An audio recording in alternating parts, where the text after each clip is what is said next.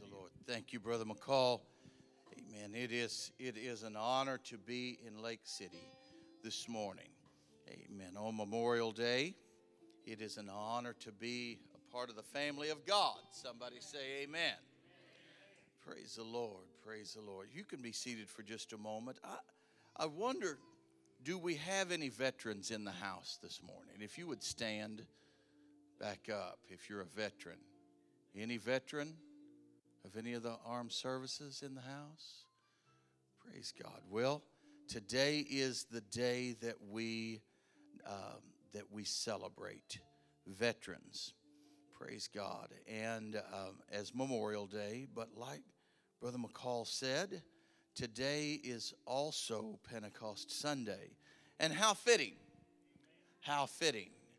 You know, there's only two, um, and it's kind of a almost a cliche. You know, there's almost, you know, used to cliches were something that you read and then got put into the lexicon and people started saying them. But now it's something you read on Facebook and then it gets put into people's speech and they start saying them. But it's true when you say there are only two there are only two people that ever offered to die for me uh, to allow my freedom, and that is the American soldier and my Lord and Savior Jesus Christ. Amen. And um, I do give honor. I do give honor to our armed services. I also give honor to the Lord this morning. Um, and he did die. He didn't just offer to die, he did die that I might be free. And I want to preach a message this morning a little bit about that freedom and maybe even a, I'm going to come into it probably a little bit from the back door, but that's all right. The Lord wants you to understand that you can be free and free indeed. Praise the Lord. And I'm going to, um, that is from, from John chapter 10, verse 10 the, the Lord says, The thief cometh not but for to kill and to steal and destroy, but I uh, might come that you might have life abundantly. And then he also says in um, 8 and 36, He that has been set free is free indeed. And you can you can be and i'm going to i'm going to use a little bit of poetic license with that if i might and it says free indeed, as in, yes, sir, you can be certainly free. But if we were to split that into two different words, free indeed, I believe that the Lord also wants us to be free in how we act, free in our deeds. Do you know that to be true? Amen. Why don't you just raise up your hand then? Why don't you just thank the Lord? It's very important that you worship the Lord. It's very, very, very important that we praise God and that we lift Him up. In order for us to be free indeed, it's very important that we worship Him that we magnify Him, that we praise Him, that we lift Him up. Oh, geez, come on, from the bottom of your heart, from the depth of your soul, however it is that you do it, raise Him up, praise Him.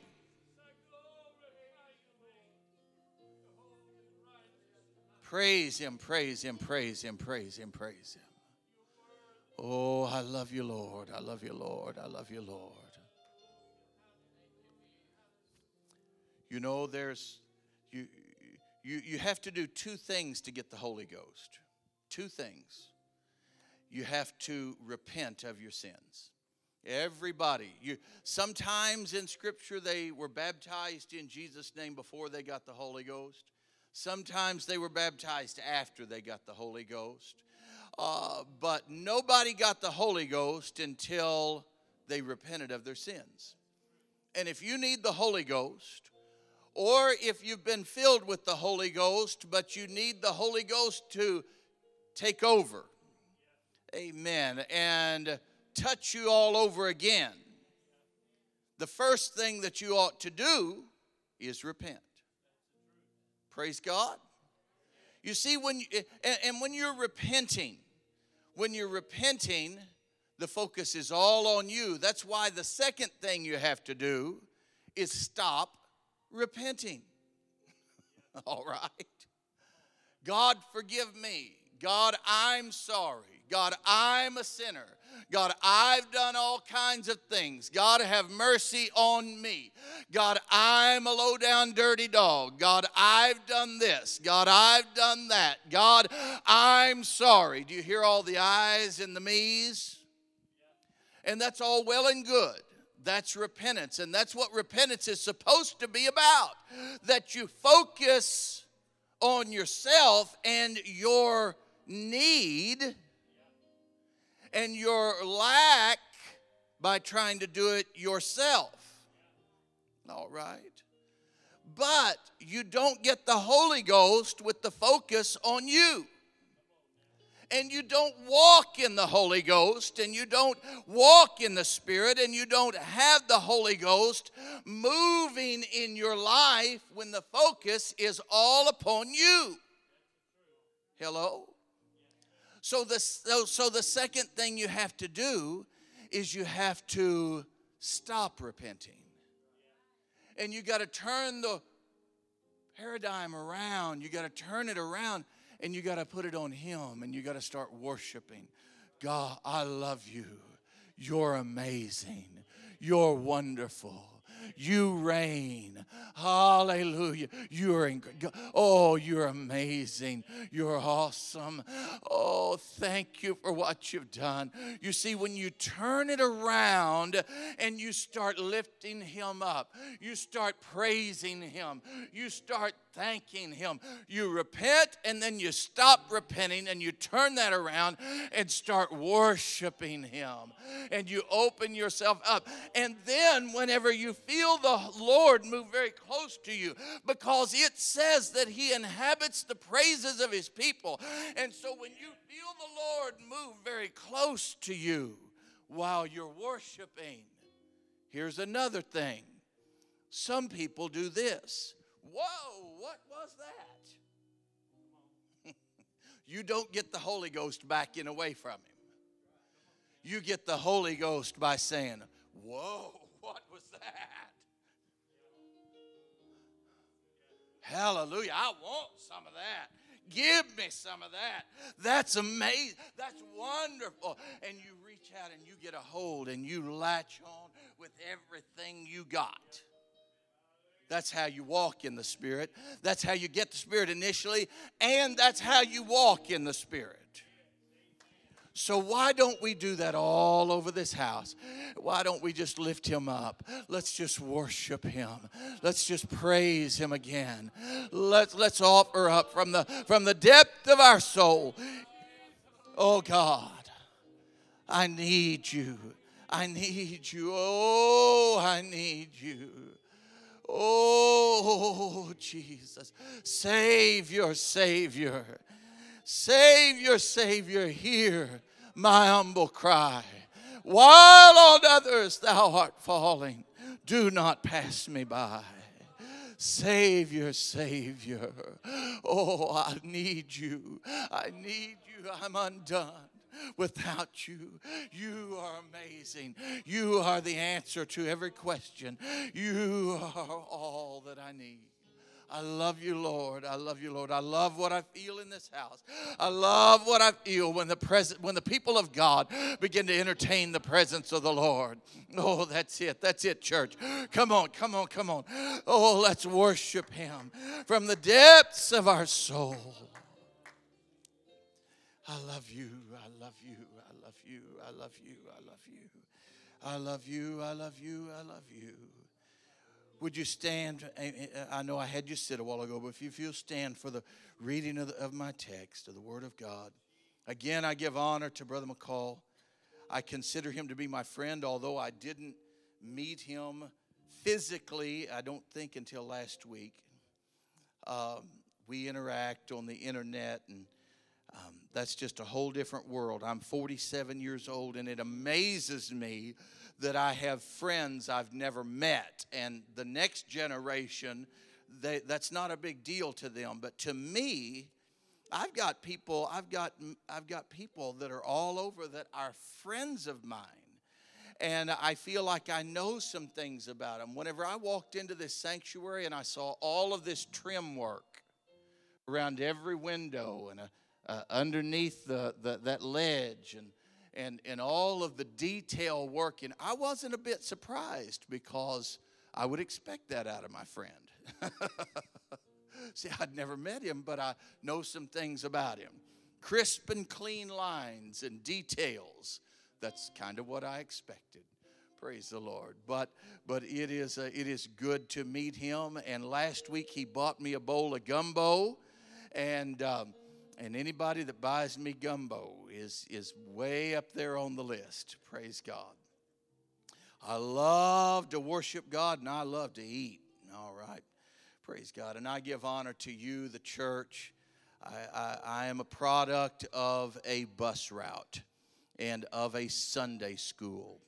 And um, my, my granny came into the church whenever she was late in life, and, and uh, she made sure that the Sunday school bus picked me up even after she moved on and went to a different church. And, um, I'm so glad. I'm so glad for Sunday school teachers. So if you're a Sunday school teacher or you've ever taught Sunday school, thank you. Thank you. Um, you are making a difference. And let's go to John 11 and verse 16. Thank my wife for being with me.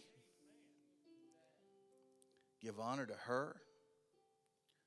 She um, doesn't get to travel with me a lot, but we we, we're from Tulsa. We live in Tulsa, Oklahoma. And I took, I had a daughter that ran off and joined the circus in February. And uh, not really, she got married. Uh, but it's about the same thing, if you ask me. And um, she and her husband met us in Paris, Texas. They live in College Station. And so they drove up to, from College Station and we drove down to Paris and we dropped off my other three children and then we got in the car and drove to Jonesboro. Spent the night in Trumann and then we're in Lake City this morning and um, we are childless for the next two weeks and I don't quite know what to do about that part of me wants to cry and part of me wants to jump up and down and say, Thank you, Jesus. Praise God. I'm sorry, I'll, I'll, get to preaching here in a minute. John chapter 11 and verse 16.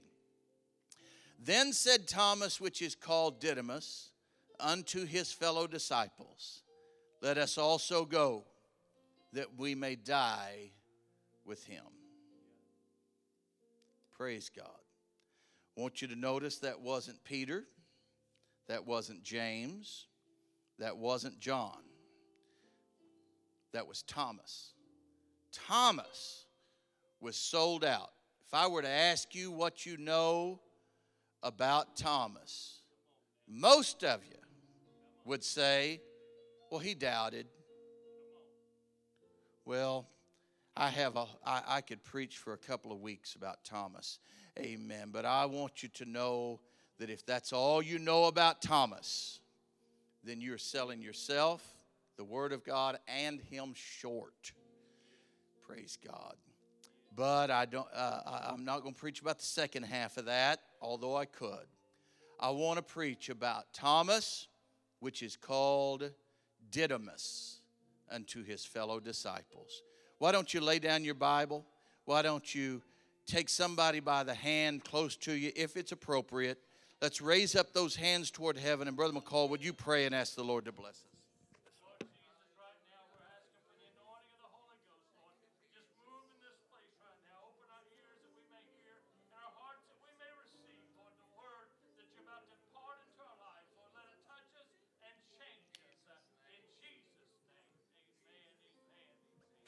Praise God, praise God, praise God. And you can be seated. Also give honor to my to my friend uh, brother Sanders back here, and there is a whole sack full of them Sanders boys. Amen. Uh, but this, but but but uh, your brother Sanders is my favorite one. He's the funny one. Amen. well, like I said, if I were to ask you what you know about Thomas, most everyone here would sum it up with two words. You'd just say he doubted. Um, only named in seven scriptural settings, and four of those are lists of the 12 disciples. Uh, the other three times, that's what we get and that's what we pull, that's where we glean and mine uh, things about the man, things about his character, things about who he was and what he did and how he interacted not only with the Lord but with the other disciples. And in this particular verse, chapter 11, verse 16, we find out, Then said Thomas, which is called Didymus. Does anybody have any idea what Didymus means? It says he was called Didymus by his fellow disciples. Didymus means twin. Now, y'all got me gun shy. I'm about halfway scared to ask if there's any twins in here because I asked if there's any vets and nobody stood up. But I'm going to try one more time, and then if I don't strike oil, I'm going to quit asking about things, all right? Do we have any twins in the house? Hallelujah. Got a twin. Your mama, my daddy was a twin. And my daddy's twin had twins. And uh, my dad and his brother Frank, they were, uh, uh, I get always get this mixed up. My wife's not even looking at me. Is it fraternal? Fraternal is that they don't look alike. So my dad and his twin were fraternal twins, but my dad's twins' twins were identical and you couldn't tell Ricky from David. There was Ricky Lee and, and David Allen. And uh, uh, you, you still can't hardly tell them apart. They look exactly alike. Now, now if, if I can get them to talk to me, now I, I haven't been around. My, my, my, my, my cousins, my first cousins, Ricky and David, they're rough. They're not just rough around the edges, they're rough all the way to the core. They're really some, some not some very good people. In fact, I preached their mama's funeral, my Aunt Bobby. I preached her funeral about, uh, uh, about uh, six or seven weeks ago, and um, and and uh, they're they're just some rough folks. She was she was 70 years old and and uh, just rough as rough as a cob. And whenever she died, I was out preaching somewhere and I got word that she died. And somebody in the church said, "I'm so sorry about your aunt." And the only thing that I could think to say was, "Well, she was." Mostly mean to my mama, but we sure did love her. And uh, that's just kind of how she was. She was mostly faithful to my Uncle Frank, but she sure did love him.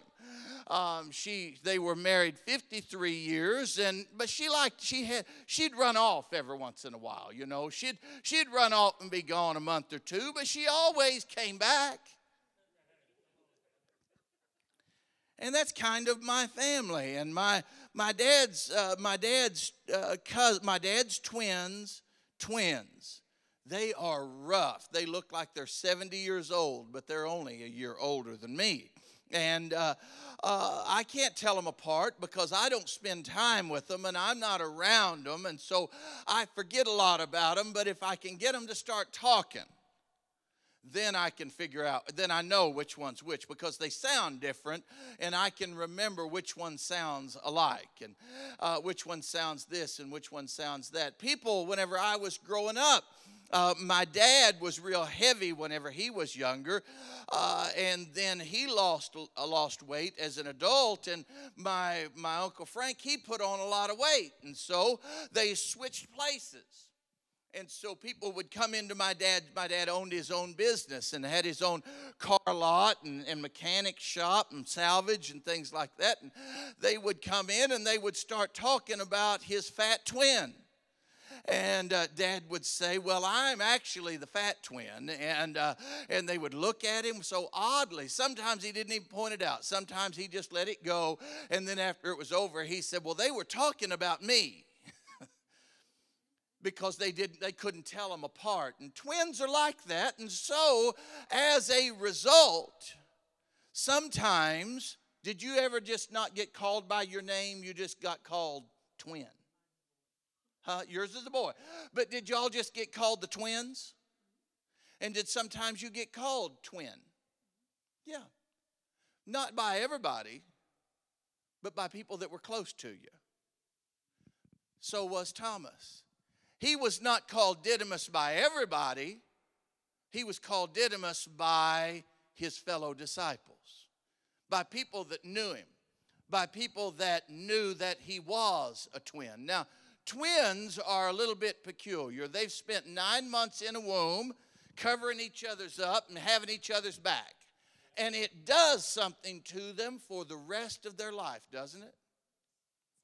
And um, my, my, I don't know how close you are to your twin, but my dad and my uncle were very, very close in a lot of ways, but I told you a little bit about my uncle's family, and so my family was altogether different, and so there was a closeness at a, at a real deep level, but then about everything about how we lived and how they lived, we didn't really have a whole lot to do with them. However, my like i said my dad had a shop. My uncle he worked he was a body man. He's one of the best painting body men in all of tulsa. And uh, he worked a job. He'd get to work at about 8 o'clock in the morning. He'd get off at 4 and so he would drive back out and he only lived about three or four blocks over from us. But my dad's shop was on the highway and i have seen my uncle drive up in our driveway or drive in the circle part of my dad's shop and my dad put come out out and stand. Frank rolls down his window and Frank says, I just wanted to see what kind of day you had. And Dad said, I had a great day. And Frank said, All right, love you, bro. Roll up that window and get in the car and drive on. 15 second phone calls. Ring, ring, ring. Hello? Just want to see if you how you're doing today. Doing great. Great. I'll talk to you tomorrow. Bye. Every day. They had, you like to have those kind of phone calls from some people, absolutely. Uh, but that's, they, they touched base it almost every day. They had to touch each other.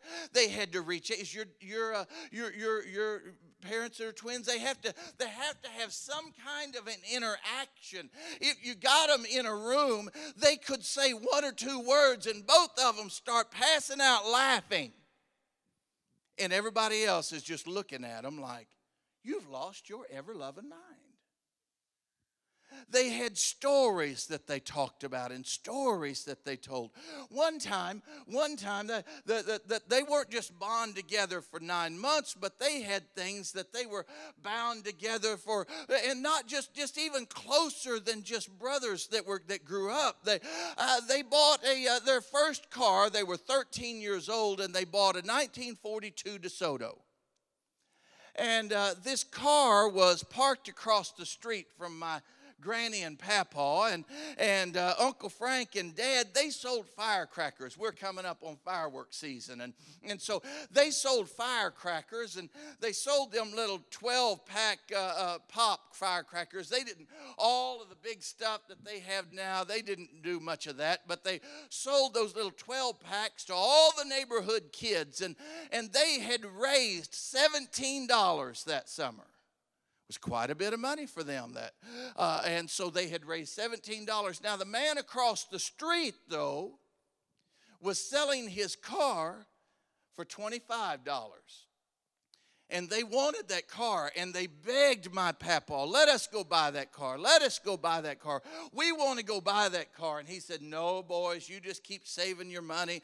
Finally whenever you turn 16 i'll help you get a car. If you put this $17 just like a dad you put this $17 together and next year $17 and the next year $17 by the time you're ready to buy a car we'll buy you a nice car Well, but just like kids, they didn't want to wait. They didn't have any patience. They wanted to buy that car then. And so they did whenever my grandpa went off every saturday my granny and papa would get in their car and they'd drive into town and papa would take granny to Kress's department store and they'd go to warehouse market to the grocery store and they'd go do this and that and the other thing and go run their errands and so every saturday so the first saturday they, they went across the street they took their $17 and they talked to ozzie eads into uh, selling them that car and, and uh, ozzie said well I, i've got uh, I've got a pretty fresh battery in it, and so I'll go ahead and give it to you for $17, but I want to keep the battery.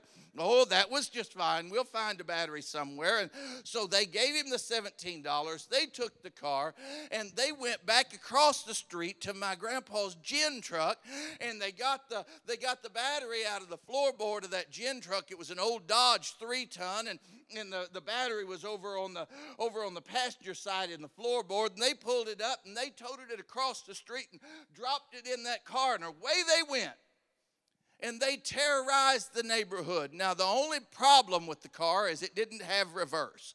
So you had to go forward, but you could go forward, Dad said, just as much as you wanted. Man, they went around and around and went everywhere. And, and uh, uh, uh, so they, they, one Saturday, though, every Saturday for, for a couple of months, when Granny and Grandpa would leave, they'd go get the battery out of the gin truck, run it across the street, and hook it up, and away they'd go. And, and uh, then they'd take the battery back out of it, put it back in the gin truck, drop it down, and nobody was the wiser. And they kept it parked down at the end of the block with two tires over into the ditch.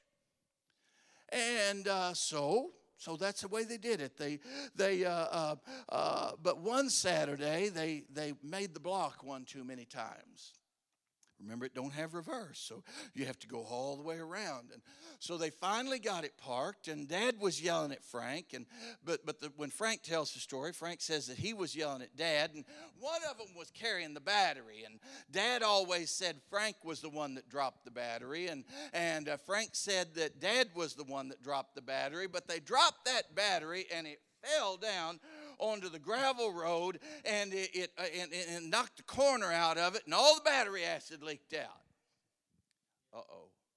So they ran on back home and dropped it down in the gin truck and hooked it all up and, and uh, um, just acted like everything was all right. Well, when Grandpa got home, he said, you boys, I got a job in town. I've met somebody that wants me to go haul off something, and we've got we've got something to do. So he said, y'all go get out in the truck. And so, boy, they went out there and loaded up like a couple of cow dogs, and and uh, just I mean, they're just sitting up there in the front seat, just acting like everything's all right, like they're going to town. And and uh, Grandpa went out there and reached down, hit the starter on the floor, and nothing happened looked over at them boys. Well, they're just sitting up there, just acting like everything's all right. Grandpa said, You boys know something about this? Dad said they looked over each other, and Grandpa said, Y'all going back in the house.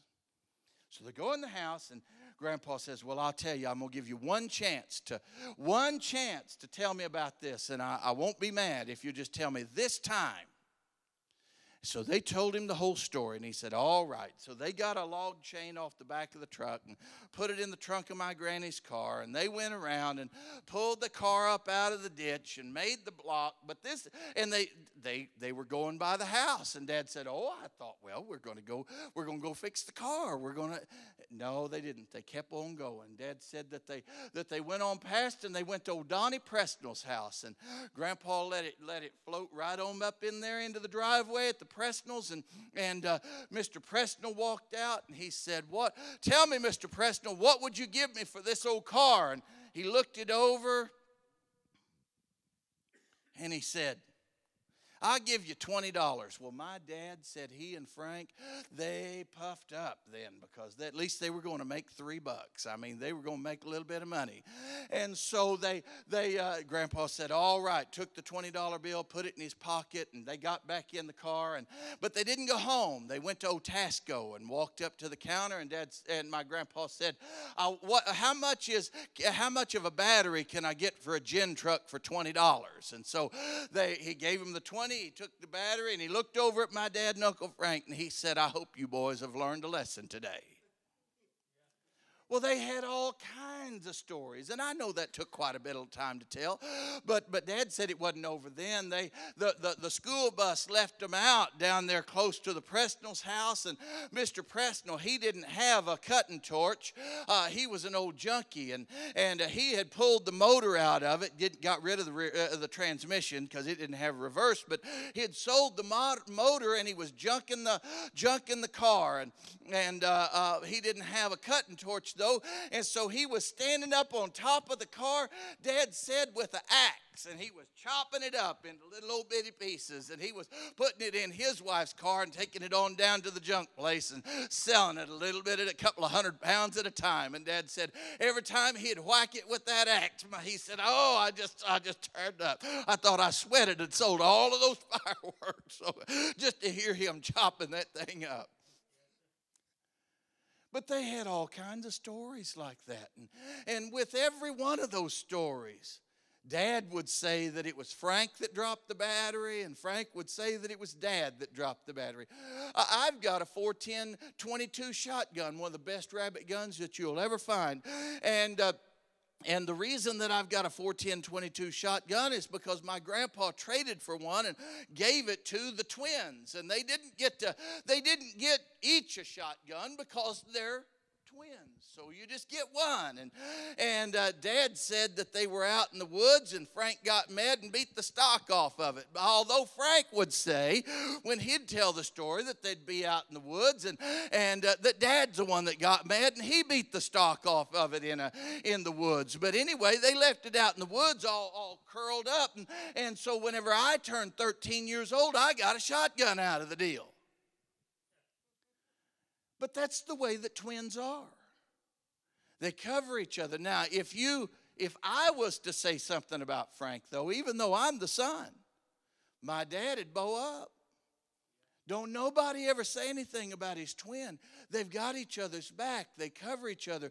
You, like I said, you put them in a room and they just say they say 42 DeSoto, and boy, they just just laugh. And that's how I heard the story because they would tell these stories and unwind after just saying one or two words and the two of them to get there and having a big hee haw about it. Twins are like that. Twins are close. Twins almost have to touch each other over and over and over and over and over. My dad's been dead. It'll be 10 years in July. And you know what?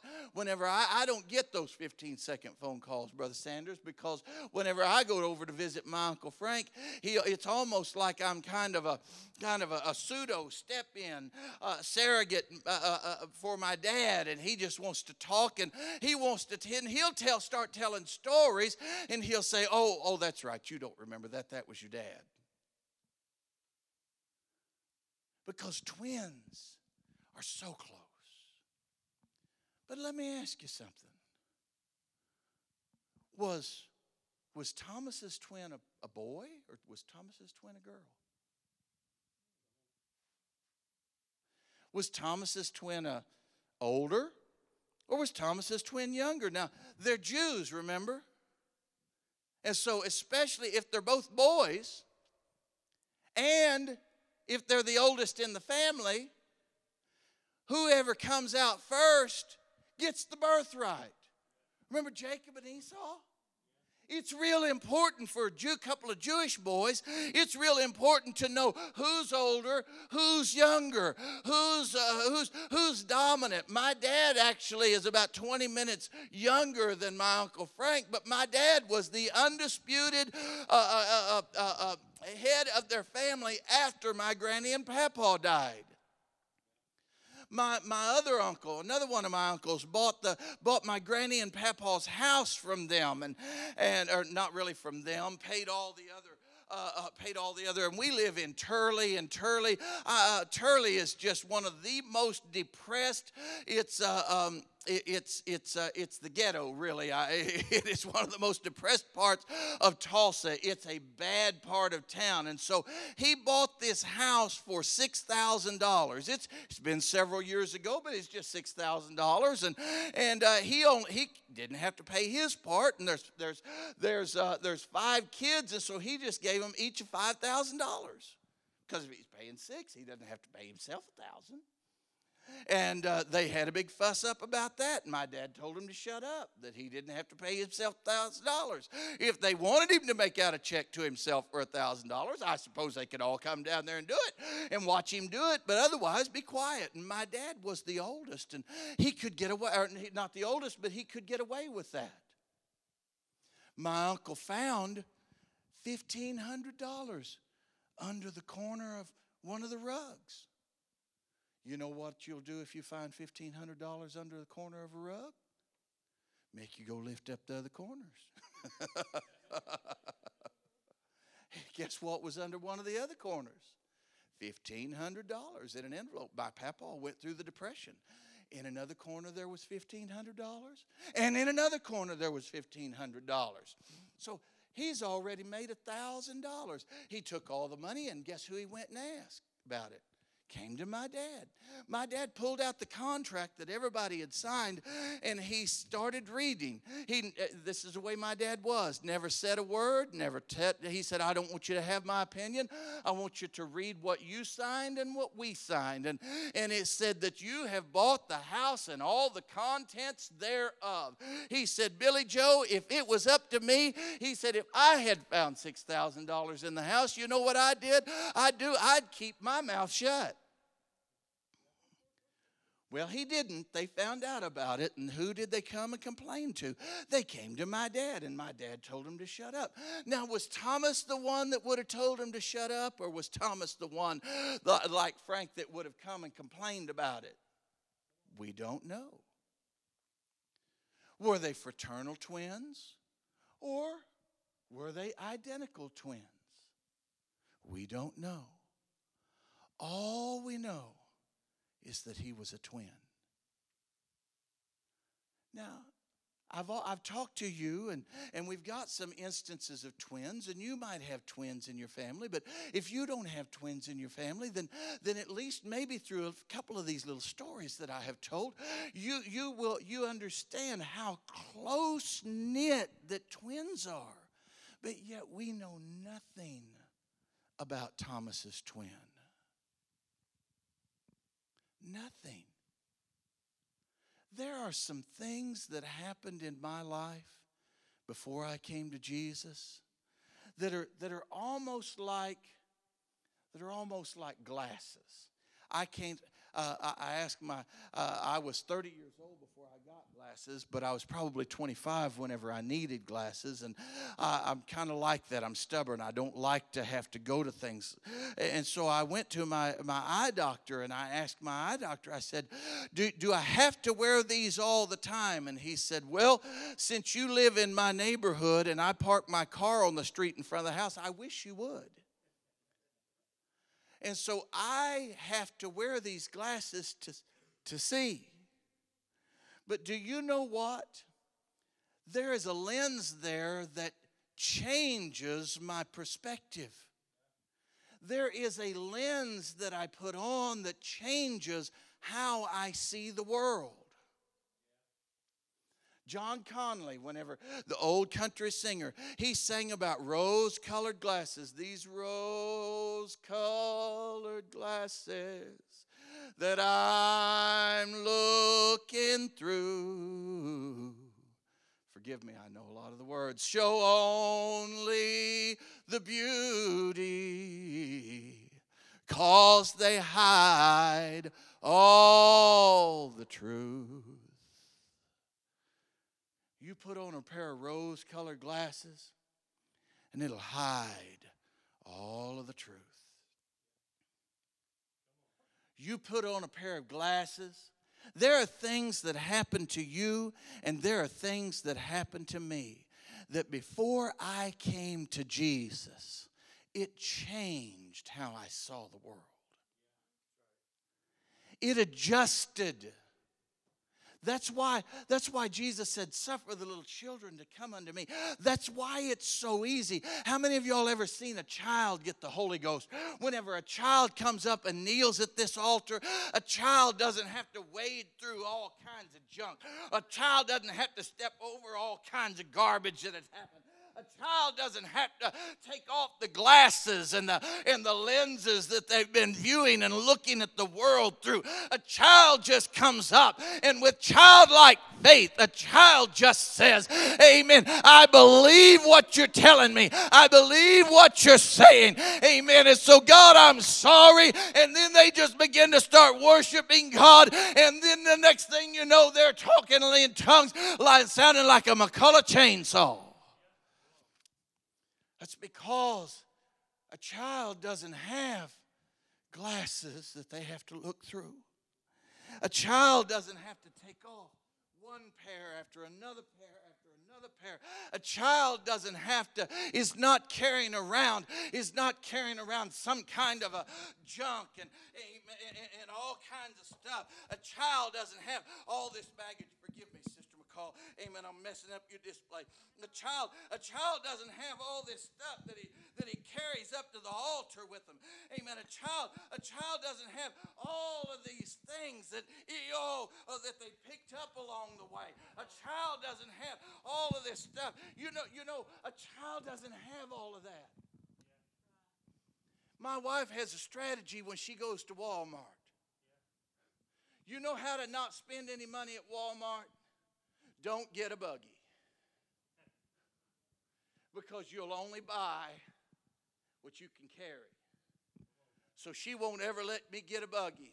And do you know what I look like whenever I come up to the to the pay at Walmart?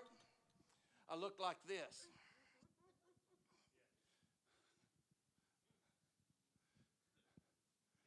You know what? Whenever we come to God, we come to God the longer we serve the Lord and the more we walk through and the more we're going through, we come to God like this. And we have to say, Oh God, oh God, I'm so sorry. Oh God, will you will you check me out and relieve me of that?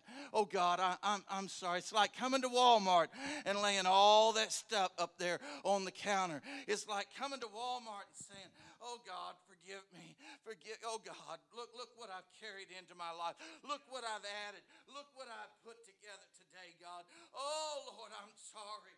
And you walk to God. It's just like it, it and it be, and if you're not careful, it becomes part of you. It becomes your identical twin you have the same DNA as this junk it becomes so much a part of you that you you you don't know how to act without it. And so whenever you come to God, you come heavy laden, you come weary, you come burdened down. I don't know, it might be a past relationship, it might be a past hurt, it might be a bankruptcy, it might be abuse of a of a loved one, it might be a divorce, it might be whatever it is, let me tell you something. That just like Thomas, once Thomas was called out, once Thomas became a follower of Jesus, once he said, sold himself out. Once Thomas decided, oh, this is it. This is what I've been looking for. Tom, once, once you, you know why Thomas doubted? Do you know why Thomas put that? Uh, was so. It was because Thomas Thomas was so distraught because he had left his family. He had left his twin. He had put everything he had on the altar. And whenever, whenever you you go back and you look in John, in John there, where the disciples, they're arguing. And Jesus said, I'm going back to Jerusalem. I'm going back. In, fact, first of all, people come to him and say, Your friend Lazarus is sick. And he says, Oh, he's not sick. He's not sick unto death. And the disciples go, because they wanted to kill him back in Jerusalem. Then, then he says, then, then, then another time they said, Well, Lazarus is dead. And they and Jesus said, Oh, he's he's not dead. He's just sleeping. And the disciples let out another deep breath. Because you know what? Where they were, they were having success. In fact, the height if you will, uh, of, of Jesus' earthly ministry when, when uh, the people were being fed 5,000 men, not counting women and children, being fed with just a, a few loaves and fishes and, and, lot, and miracles and signs and wonders. If you want to call that the highlight of Jesus' ministry, up to that point was happening where they were far removed and away from Jerusalem and the disciples felt insulated. And then finally he says, I'm going to Jerusalem. And they begin to fuss with him. And they begin to argue with him. And they begin to say, Oh, no, no, no, no, no, no, we don't want to do that. He said, Well, I'm going to Jerusalem. And they fuss a little bit more. Oh, no, no, no, no, no. Don't you remember they want to kill us there? Jesus finally said, Boys, let me tell you something. I'm going to Jerusalem. And not John, not Peter, not James, not Andrew, Thomas, who has already left everything who's already put everything in his rearview mirror, Thomas stands up and said, Come, let us die with him. There's many of you that you you've you've decided take this whole world but give me Jesus. And if you can't, if you haven't done that yet, I want to tell you that's what you've got to do. You've got to unload yourself. You've got to say, because really and truly, the highlight, the highlight of the Lord working in your life is not the loaves and the fishes, and it's not the miracles, and it's not the being raised up from the deathbed, and it's not the pool of Bethesda, and it's not all of the things that we look at and we look at. But the highlight and the greatest thing and the greatest part of allowing the word Lord to work in your life comes when you say, I'm ready to die with you.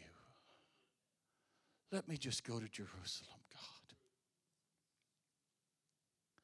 Let me go to Jerusalem, Lord.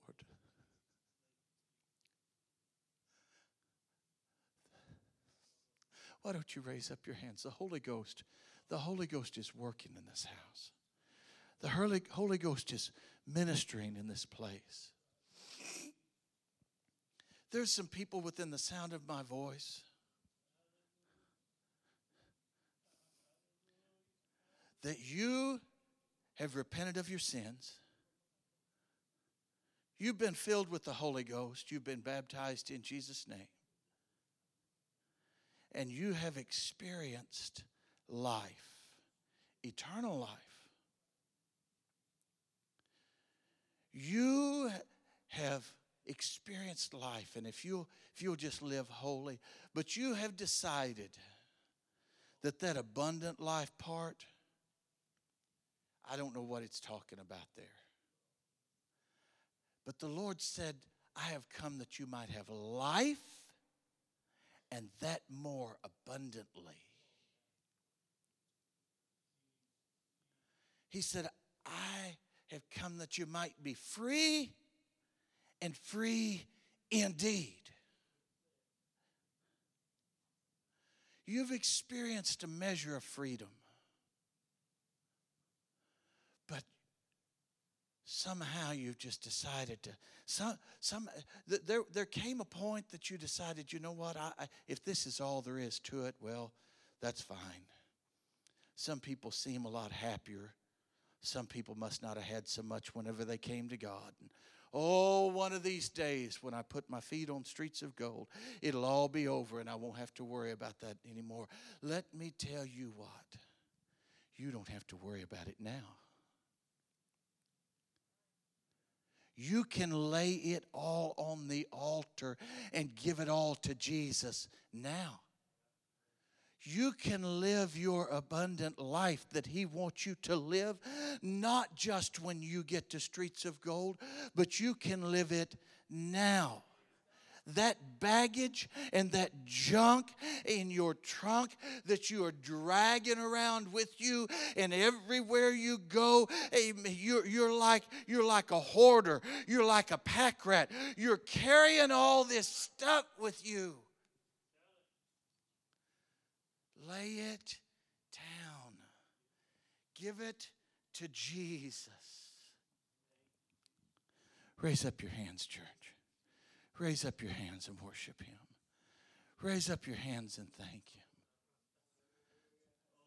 He wants you to be free if you've never if you've never been filled with the Holy Ghost. He has a freedom from you, for you that goes beyond. He has a freedom for you that goes past anything that you can ask or think. He has a freedom.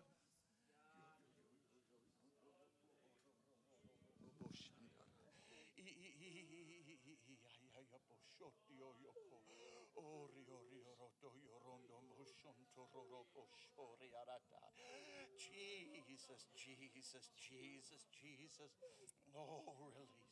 Release, release, release, release, release.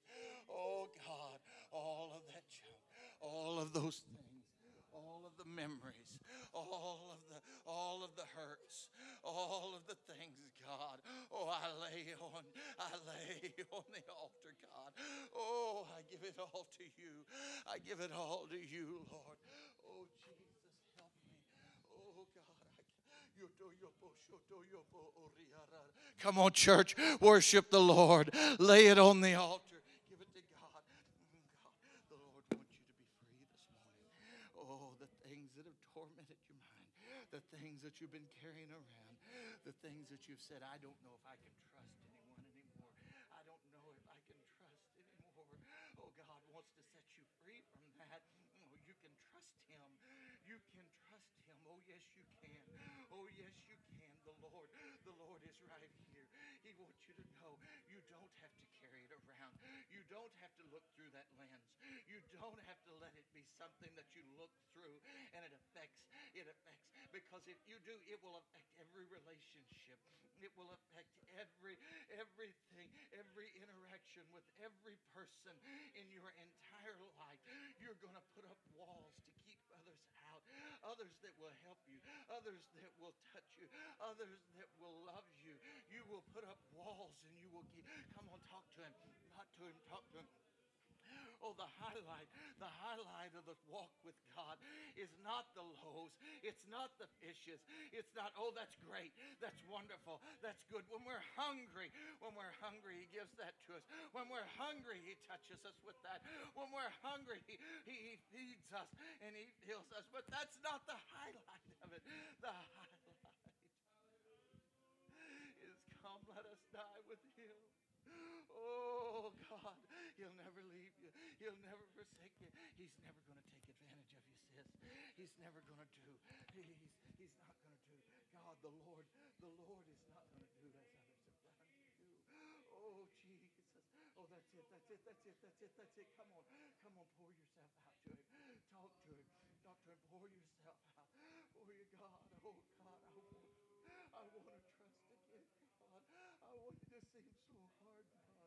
it just seems so.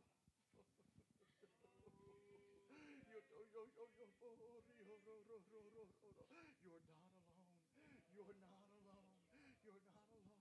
You're not. You you you have a church family that loves you. You have a man of God and his wife that loves you. Oh, you have a Lord and a Savior that loves you, and nothing, nothing else, and no one else matters, but just you. Oh, that's it. Come on. Begin to worship. Begin to worship. Oh, let him feel you.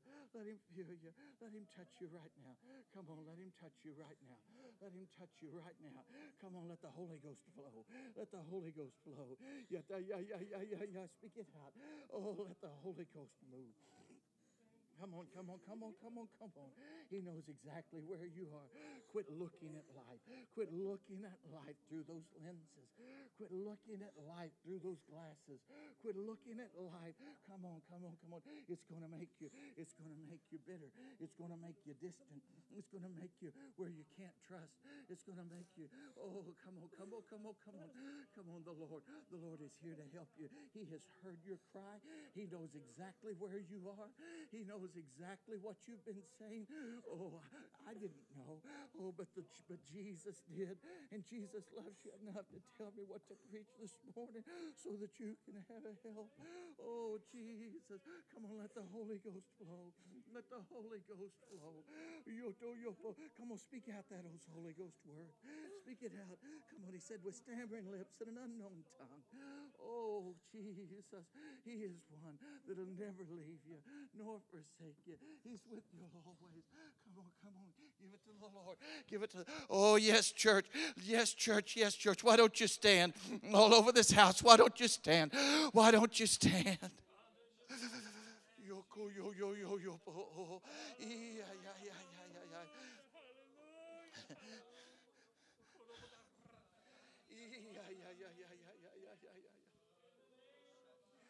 I heard a missionary, a missionary who came to our church one time.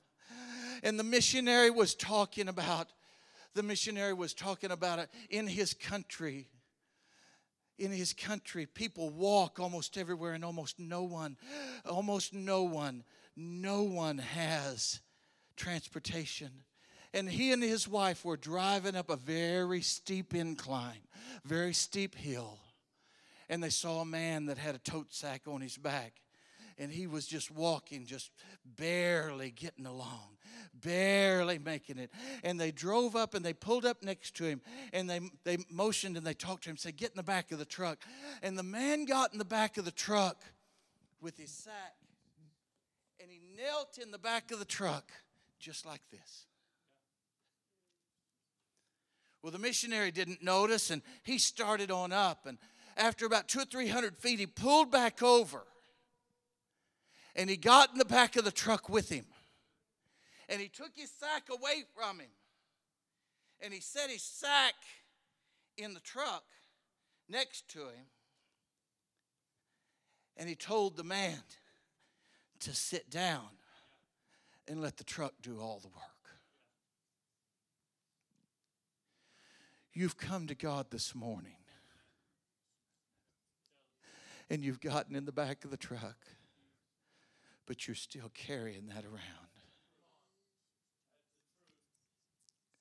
Jesus has come.